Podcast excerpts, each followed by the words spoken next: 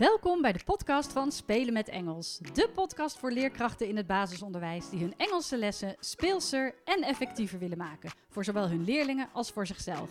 Mijn naam is Lauren Salomons en ik vertel je alles wat je wil weten over Engels.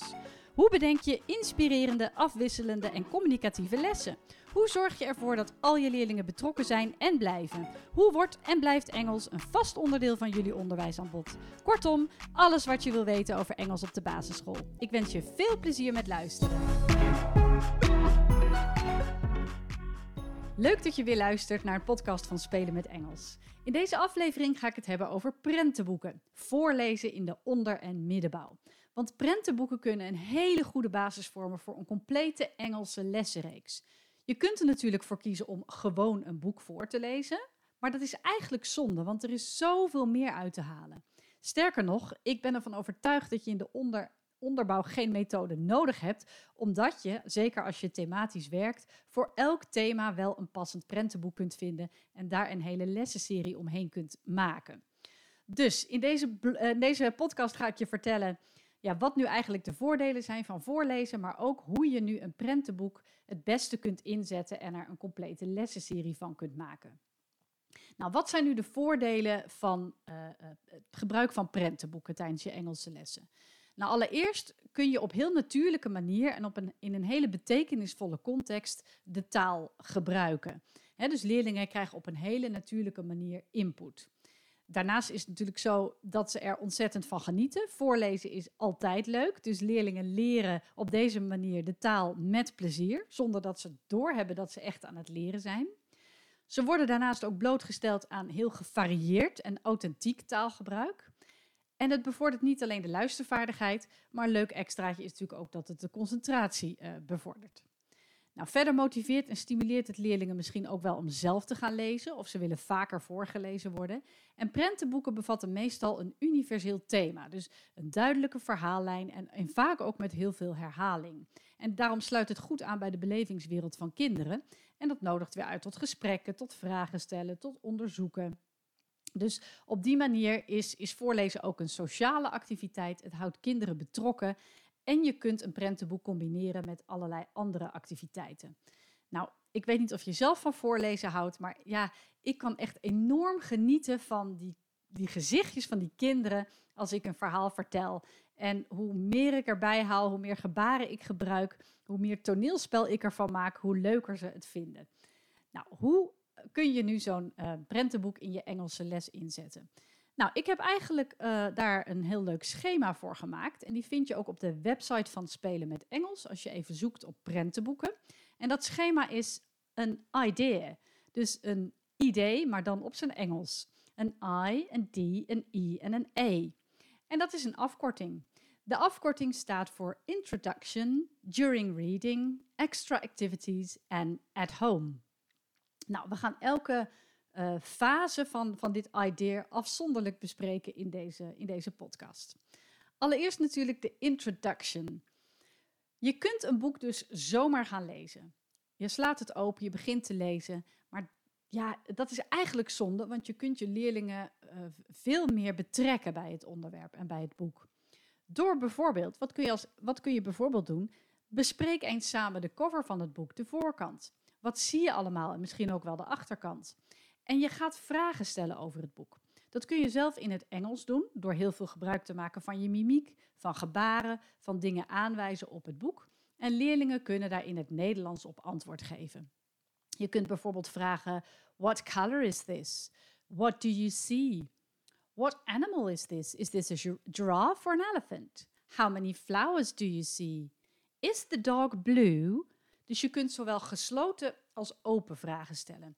Gesloten vragen zou ik stellen aan kinderen die nog een beetje onzeker zijn, die het spannend vinden om Engels te spreken, die wat stiller zijn in de les. En daar kun je een, een, een hele eenvoudige vraag aan stellen waar ze niet eens antwoord op hoeven geven, maar ze misschien alleen maar ja of nee op hoeven knikken. Bijvoorbeeld, is the dog blue? Ja, dan kunnen ze yes of no zeggen of gewoon even ja knikken. Um, open vragen stel je aan leerlingen die wat gevorderder zijn, die wel wat meer aankunnen. En dan kun je bijvoorbeeld vragen: How many flowers do you see? Or what do you see? Dat is een hele open vraag. En dan, uh, ja, dan komen ze vanzelf wel met wat dingen. Of dat nou in het Nederlands of Engels is. Het is wel belangrijk dat alles wat zij in het Nederlands aan jou antwoorden, dat jij dat in het Engels herhaalt. Want zo krijgen ze weer extra input. Goed, dat is dus wat je kunt doen. Zo'n cover van een boek bespreken.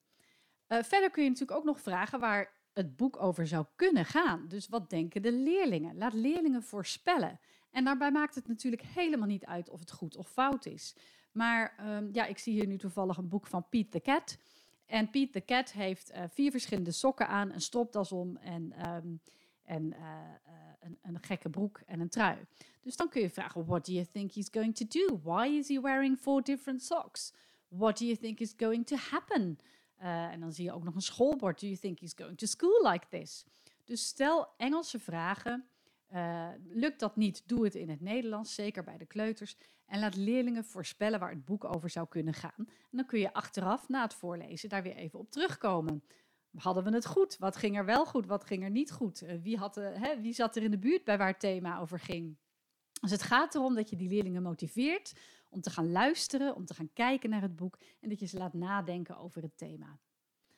Wat je ook nog kunt doen, is uh, de titel verbergen en leerlingen zelf met ideeën laten komen. What could be the title of this story? Nou, dan krijg je natuurlijk ook de leukste uh, varianten. En dat mag ook in het Nederlands. Kun jij weer in het Engels herhalen. Maar laat die fantasie van kinderen maar eens uh, de vrije loop. Wat, wat zou de titel van dit boek zijn? En uiteindelijk vertel je natuurlijk wat de echte titel is. Verder kun je nog uh, in het Engels een personage of situatie uit het boek beschrijven. En dat je leerlingen laat meetekenen terwijl je het omschrijft. Dus dan laat je het boek nog helemaal niet zien, maar je gaat alvast een personage omschrijven. Bijvoorbeeld, it's a girl, it's wearing a red cloak and a red hat or a, a red um, hoodie on the cloak. She's wearing a she's carrying a basket on her arm and in the basket there is some fruit. And she's walking in the woods. Ik noem maar wat. Nou, dan is het Little Red Riding Hood. En dan laat je uiteindelijk het boek zien. Roodkapje. En dan kijk je of leerlingen een beetje in de buurt zitten van wat jij hebt omschreven. En daar, ook hier gaat het er weer om. Maakt niet uit of het een perfecte tekening is en wat ze hebben getekend. Het gaat erom dat ze extra input krijgen voordat je überhaupt het boek gaat voorlezen. Nou, als laatste is het nog heel leuk om ook flashcards te maken van de belangrijkste woorden in het boek. Waarom? Omdat je dan alvast de voorkennis van um, uh, de leerlingen activeert en omdat de woorden dan in een andere context worden herhaald. Dus wat je bijvoorbeeld doet is um, nou, je, je kunt die flashcards natuurlijk op de site van Spelen met Engels bestellen. Maar je kunt ook googlen welke woorden zijn nou belangrijk in dit boek. En dan ga je daar een soort van je eigen verhaaltje van maken. Dus we're going to read a book later on. And this book is about Pete the cat. And he needs to wear some clothes when he goes to school. So I think he's going to wear maybe a t-shirt. And here are some socks. En terwijl je dus dat verhaal even in het kort samenvat, laat je alvast de belangrijkste woorden op een flashcard zien. Zo hoef je geen Nederlands te praten en zo hebben leerlingen alvast ja, een beeld, dus een visueel hulpmiddel om die woorden te herkennen. En als je dan het boek gaat voorlezen, dan, is, dan valt dat kwartje sneller. Want dan worden die woorden herhaald, maar dan nu in een andere context, namelijk in het verhaal. Dus zo voorkom je dat je zelf een Nederlandse vertaling gaat gebruiken, want Engels is natuurlijk de voertaal. En door de combinatie van klank plus plaatje blijft een woord gewoon uh, beter hangen. Dus uh, je kunt de woorden eventueel, dus wat ik zei, met een korte samenvatting van het verhaal geven. Um, maar je kunt ook gewoon de woorden één voor één laten zien. Wat je ook kunt doen, is vragen aan de leerlingen. What do you think he's going to see? Or what do you think he will meet? Who do you think he will meet? Or what do you think will happen in this book? En dan mogen leerlingen zelf woorden gaan roepen. Dat kan ook weer in het Nederlands natuurlijk. Want ja, zeker in groep 1, 2 kun je niet verwachten dat ze al allemaal Engelse woorden weten. Je kunt stimuleren dat ze het in het Engels doen, maar nooit afdwingen. En terwijl zij woorden roepen, kun jij jouw flashcards tevoorschijn halen. That's right. I think you're right. I think he's going to wear some socks. En dan laat jij de, de, de flashcard van socks zien. En dan geef je weer een andere leerling de beurt. What do you think he's going to wear? Uh, misschien wel een, um, een stropdas, uh, juf that could be right. A tie. Here's the picture of the tie. En zo ga je één voor één de woorden af die leerlingen roepen. Jij herhaalt de woorden in het Engels, je laat het plaatje erbij zien en je legt vervolgens bijvoorbeeld de flashcards neer in de kring op de grond of je hangt ze op. Nou, niet alle woorden zullen misschien genoemd worden, dus dan kun jij nog de extra woorden uh, die je over hebt even zelf benoemen. I also have a card of um, uh, a hat. I have a card of some boots, so maybe he's going to wear some boots as well. Dus je herhaalt even de kaarten die over zijn. En het kan natuurlijk ook zo zijn dat kinderen woorden roepen waarvan je geen flashcard hebt, omdat je denkt, die hoeven ze helemaal niet te kennen. Dan complimenteer je de leerlingen gewoon ruimschoots. Well done, that's a good word. I don't have a flashcard of it, but that's fine. I don't have a picture, but maybe it is in the book. Dus dan benadruk je gewoon, ik heb er geen kaart van, maar wie weet komt het wel in het boek voor. Goed gedaan en we gaan erachter komen. Dus dat kun je vooraf met die flashcards doen. En maak, zorg ervoor dat die kaarten dan ook zichtbaar zijn, zodat terwijl je gaat voorlezen, leerlingen even daarnaar terug kunnen grijpen. Dat ze even kunnen zien, oh ja, dat was die kaart, oh ja, dat was die kaart. Dus dan worden de woorden herkend tijdens het luisteren. Het voordeel daarvan is dat leerlingen niet het gevoel hebben dat het hele verhaal langs hun heen gaat. Het houdt echt hun aandacht erbij. En um, ze, ze reageren op de woorden die van tevoren al besproken zijn. En ze herkennen die woorden ook dankzij de flashcards. Dus zelfs, ja, hè, zeker in, de, in groep 1, 2, dan heb je nog wel eens van die kinderen die afdwalen, die omgekeerd zitten. Of waarvan je denkt, nou, pikt hij überhaupt iets op? Nou, juist door zo'n activiteit voor het voorlezen te doen, betrek je die leerlingen er ook bij. Je kunt ook zelf af en toe nog even naar zo'n flashcard wijzen. Maar je zult zien dat leerlingen dat zelf ook gaan doen. Ze kijken ernaar, ze wijzen het aan. Ze zijn daar echt mee bezig. Goed, dat is de introduction, de I van idea van introduction. Dan gaan we nu naar de D van during reading, tijdens het voorlezen. Nou, als je een prentenboek voor de eerste keer voorleest, zou ik eigenlijk niks doen. Laat leerlingen vooral rustig kijken en luisteren. Zijn er leerlingen bij die het boek al kennen? Uh, en geven ze dat ook aan? Hè? Ken ik al, weet ik al, uh, saai? Of hè, dat, je, dat je echt denkt, oh. Of gevorderde leerlingen of near native speakers, die heb je natuurlijk ook. Ja, dan kun je hen al wel alvast een extra activiteit geven vooraf, zodat ze tijdens het voorlezen gefocust blijven. Nou, die activiteiten die ga ik nu noemen. En één daarvan kun je dus al gelijk bij de eerste keer voorlezen aan die kinderen geven. Um, maar over het algemeen zou ik zeggen, de eerste keer lees gewoon even dat boek rustig voor. En pas de tweede of derde keer voeg je extra activiteiten toe, om leerlingen betrokken te houden bij het verhaal. En zo leren ze weer spelende wijs en eigenlijk onbewuste vocabulaire die bij het boek hoort. Nou, wat je bijvoorbeeld kunt doen, is dat je alle leerlingen een, een flashcard geeft of een memorykaartje. Dus dat je uh, meerdere kaartjes maakt van één woord. Die deel je uit. En zij mogen elke keer als ze hun woord horen, hun kaartje omhoog houden. Dus drie leerlingen hebben bijvoorbeeld een plaatje van socks. En twee leerlingen hebben een plaatje van een, een hat.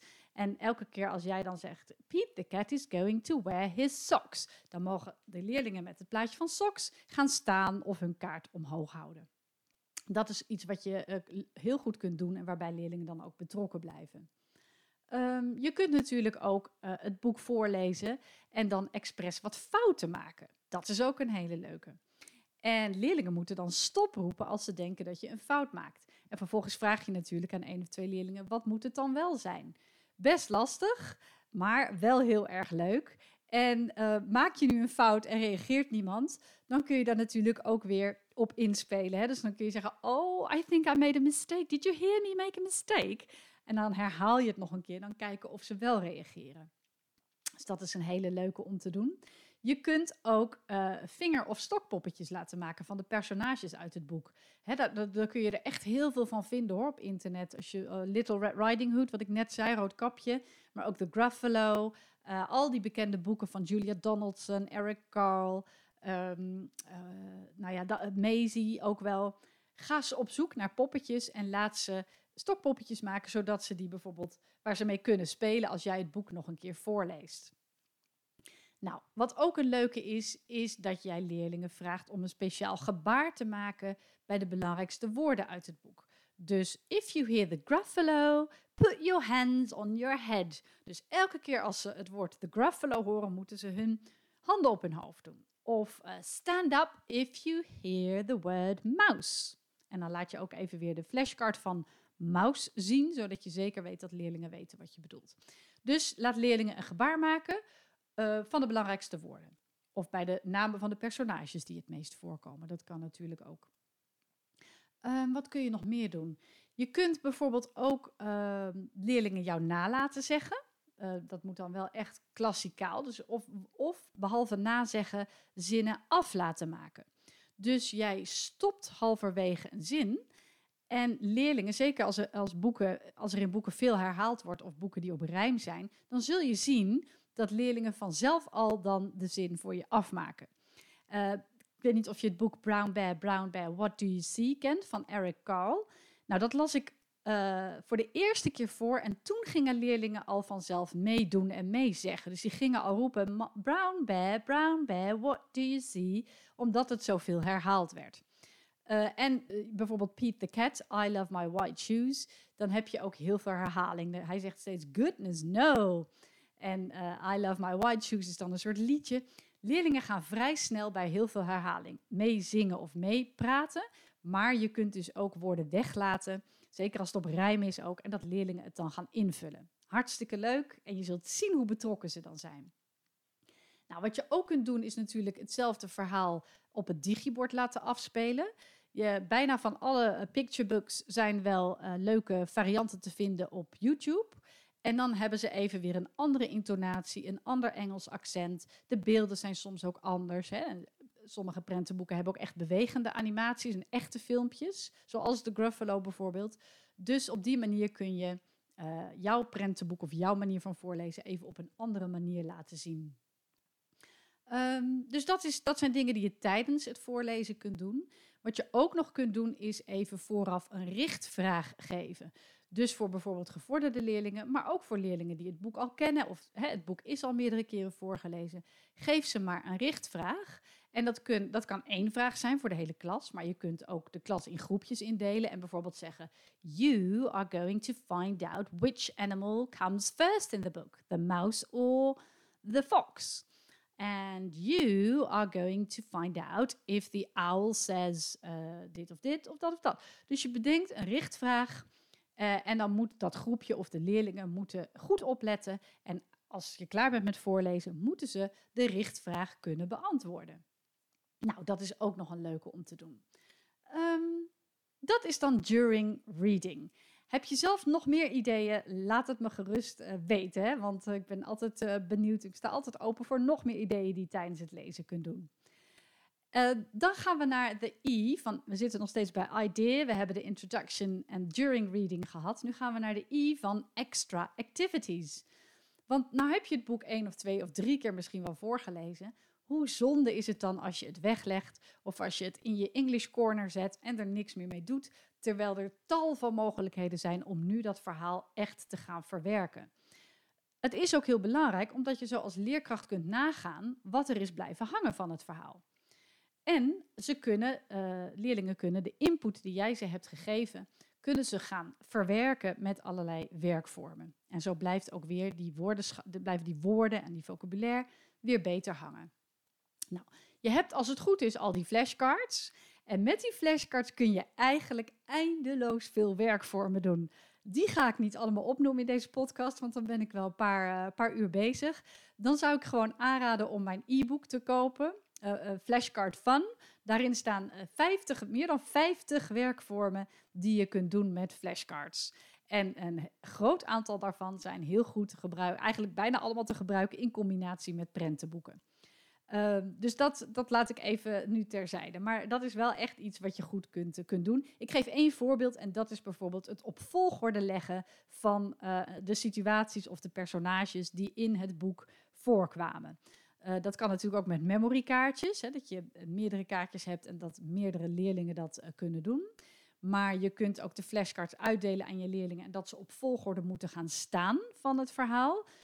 Which animal came first? Which, which person came first? What, came next? Dus dan gaan ze op volgorde staan en dan kun je het verhaal bijvoorbeeld nog een keer afspelen of voorlezen.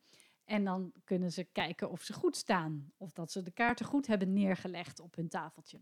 Dus dat is een van de dingen die je met flashcards kunt doen. Nou, verwacht even een, een, een side note. Verwacht van hele jonge kinderen in groep 1, 2 bijvoorbeeld niet dat ze die woorden heel actief gaan gebruiken. Het mag natuurlijk wel en je kunt het ook stimuleren. Maar zoals ik waarschijnlijk al wel eerder heb gezegd, kinderen in groep 1, 2 gaan door een stille periode. En dat betekent dat ze de woorden en structuren van de vreemde taal echt wel in zich opnemen, maar nog niet zozeer spreken. Dus ze leren echt wel terwijl jij voorleest. Maar het wil niet zeggen dat ze daarna ook van alles met die taal al kunnen doen. Goed, dus dat wat betreft de werkvormen met, met flashcards. Nou, wat je ook kunt doen is dat leerlingen een personage of situatie uit het verhaal natekenen. En dan kunnen ze bijvoorbeeld vertellen waarom ze voor dat personage hebben gekozen of wat ze van een bepaald gedeelte vonden. En dan praten ze in de onderbouw hoogstwaarschijnlijk Nederlands, maar jij kunt dan in het Engels antwoord geven en extra vragen stellen. Of je doet bijvoorbeeld, what were your favorite words from the book? Um, what was your favorite uh, page, your favorite passage from the book? Try to draw that and explain it to us.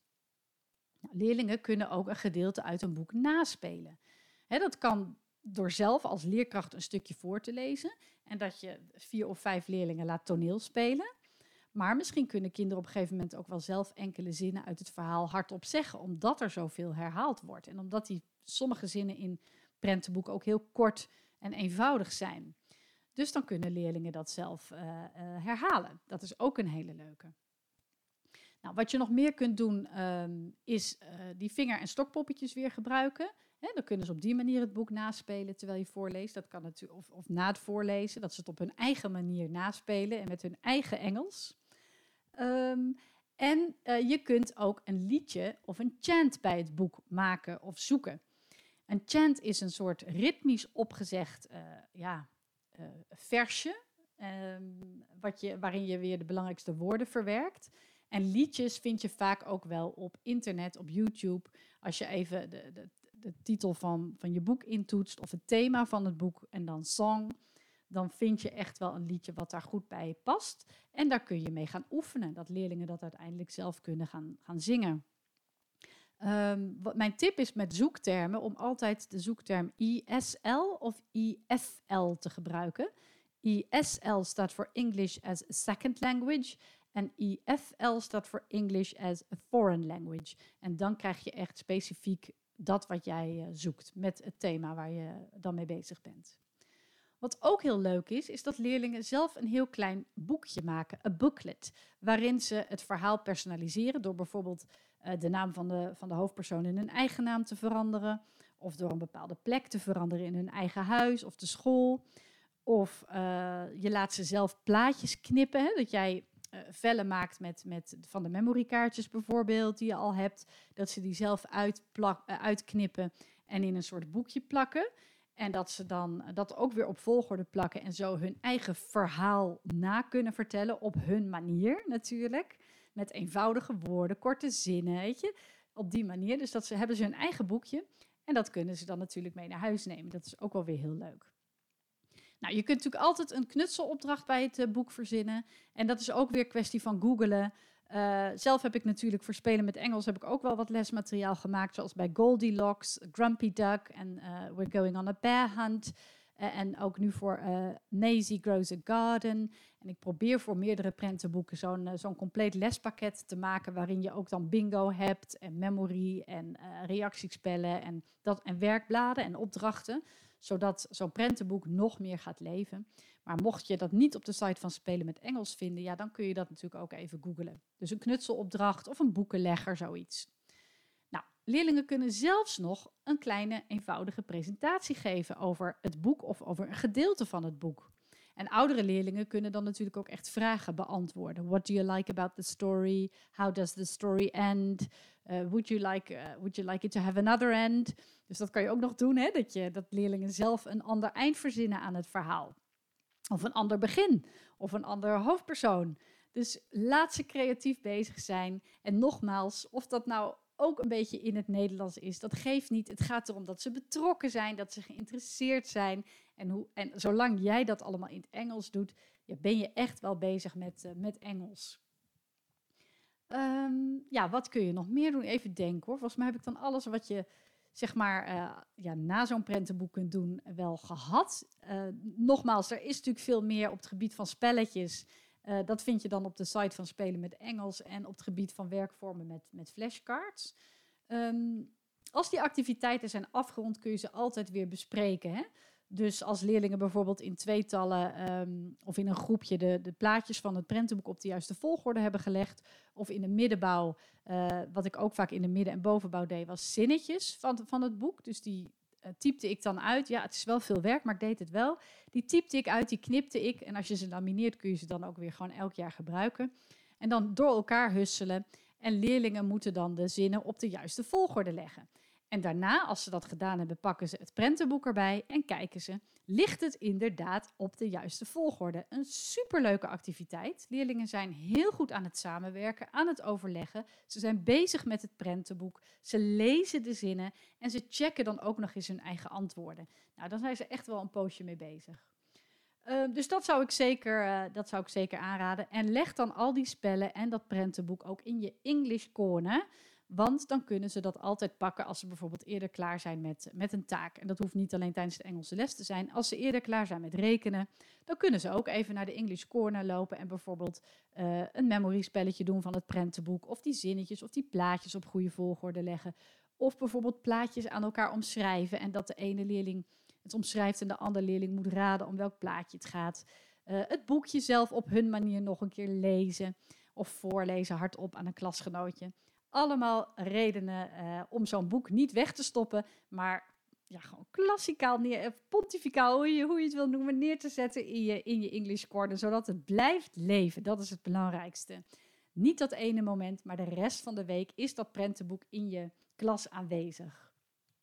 Nou, wat je uh, dan nog als laatste, hè, de E van idea, en dat is at home. Dat is leuk als leerlingen ook daadwerkelijk iets mee naar huis kunnen nemen of thuis nog iets kunnen doen, zodat dat prentenboek blijft leven en zodat ouders ook zien waar, um, waar je op school mee bezig bent geweest. Dus bedenk een activiteit die leerlingen gemakkelijk thuis kunnen uitvoeren. Um, zodat dat prentenboek echt nog steeds dicht bij hun belevingswereld blijft. Zo kun je bijvoorbeeld gewoon vertellen aan, aan je kinderen. Ga maar aan je ouders in je eigen woorden of in je eigen taal vertellen waar het boek over ging. Vertel maar dat, je, dat, dat ik heb voorgelezen. En dan heb je een soort van huiswerk als je thuis komt, namelijk welk boek heb ik voorgelezen en waar ging het over? En dat kan natuurlijk gewoon in het Nederlands, maar zo zijn ze daar wel nog steeds bij betrokken.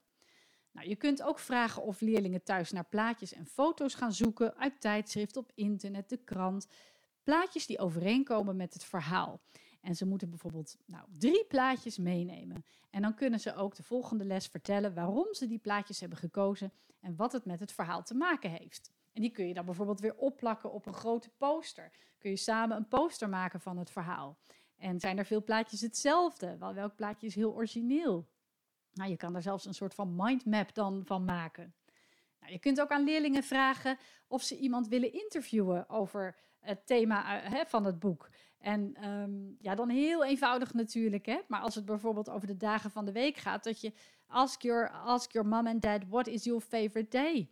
Of is het thema pets? Dan kun je vragen, do you have a pet? Dus een hele eenvoudige vraag die ze mee naar huis nemen en dan aan hun familie stellen. Nou, ze kunnen ook thuis een voorwerp zoeken. Hè, dus niet alleen plaatjes of foto's, maar een voorwerp wat met het boek te maken heeft en die mee naar school nemen. En dan ook weer vertellen waarom sluit dit voorwerp aan bij het verhaal. En hier is natuurlijk ook geen goed of fout. Als die leerling het gevoel heeft dat dat bij het verhaal aansluit, prima. Leerlingen vertellen dat eventueel in het Nederlands, waarschijnlijk wel. Misschien weten ze sommige woordjes wel in het Engels en dat kun jij dan weer stimuleren. En jij herhaalt zoveel mogelijk in het Engels. En ook dat kun je dan weer in je English Corner zetten. Leuk, het gaat nog meer leven, dat prentenboek. Nou, verder kan het zo zijn dat kinderen ook wel een Nederlandse variant van het Engelse prentenboek hebben. He, zoals A Brown Bear of The Very Hungry Caterpillar of The Gruffalo of de sprookjes. Er zijn best wel veel Engelse prentenboeken die ook in het Nederlands zijn. Kunnen ze dan thuis nog eens lezen met hun ouders. Nou, je kunt natuurlijk ook één of meerdere plaatjes, eventueel met het Engelse woord uit het boek, mee naar huis geven. Hoe leuk is dat? Of dat boekje wat ze in de klas hebben gemaakt, hè, waar, ik, waar ik eerder over vertelde van um, uh, extra activities. Als ze zelf een boekje hebben gemaakt, laat het ze mee naar huis nemen, zodat ze thuis kunnen vertellen wat ze op school hebben geleerd en welke woorden er in het boek voorkwamen. Ze kunnen ook natuurlijk uh, dat Engelse rijmpje of liedje wat je hebt geoefend thuis gaan oefenen. Of in de middenbouw uh, zelf een Engels rijmpje of liedje maken. En misschien ook wel in de onderbouw, maar dan met behulp van je ouders. Al is het maar vier zinnetjes. Probeer eens een leuk liedje te bedenken of een rijmpje of een zinnetje over het boek dat we gelezen hebben. Dat ga je thuis doen en dat neem je dan weer mee. En dan gaan we dat samen bespreken. Dus dat zijn extra activities. En dan hebben we eigenlijk de hele idee gehad. De introduction, during reading, extra activities en at home. En zo'n idee helpt jou als leerkracht om van een prentenboek meerdere Engelse lessen te maken.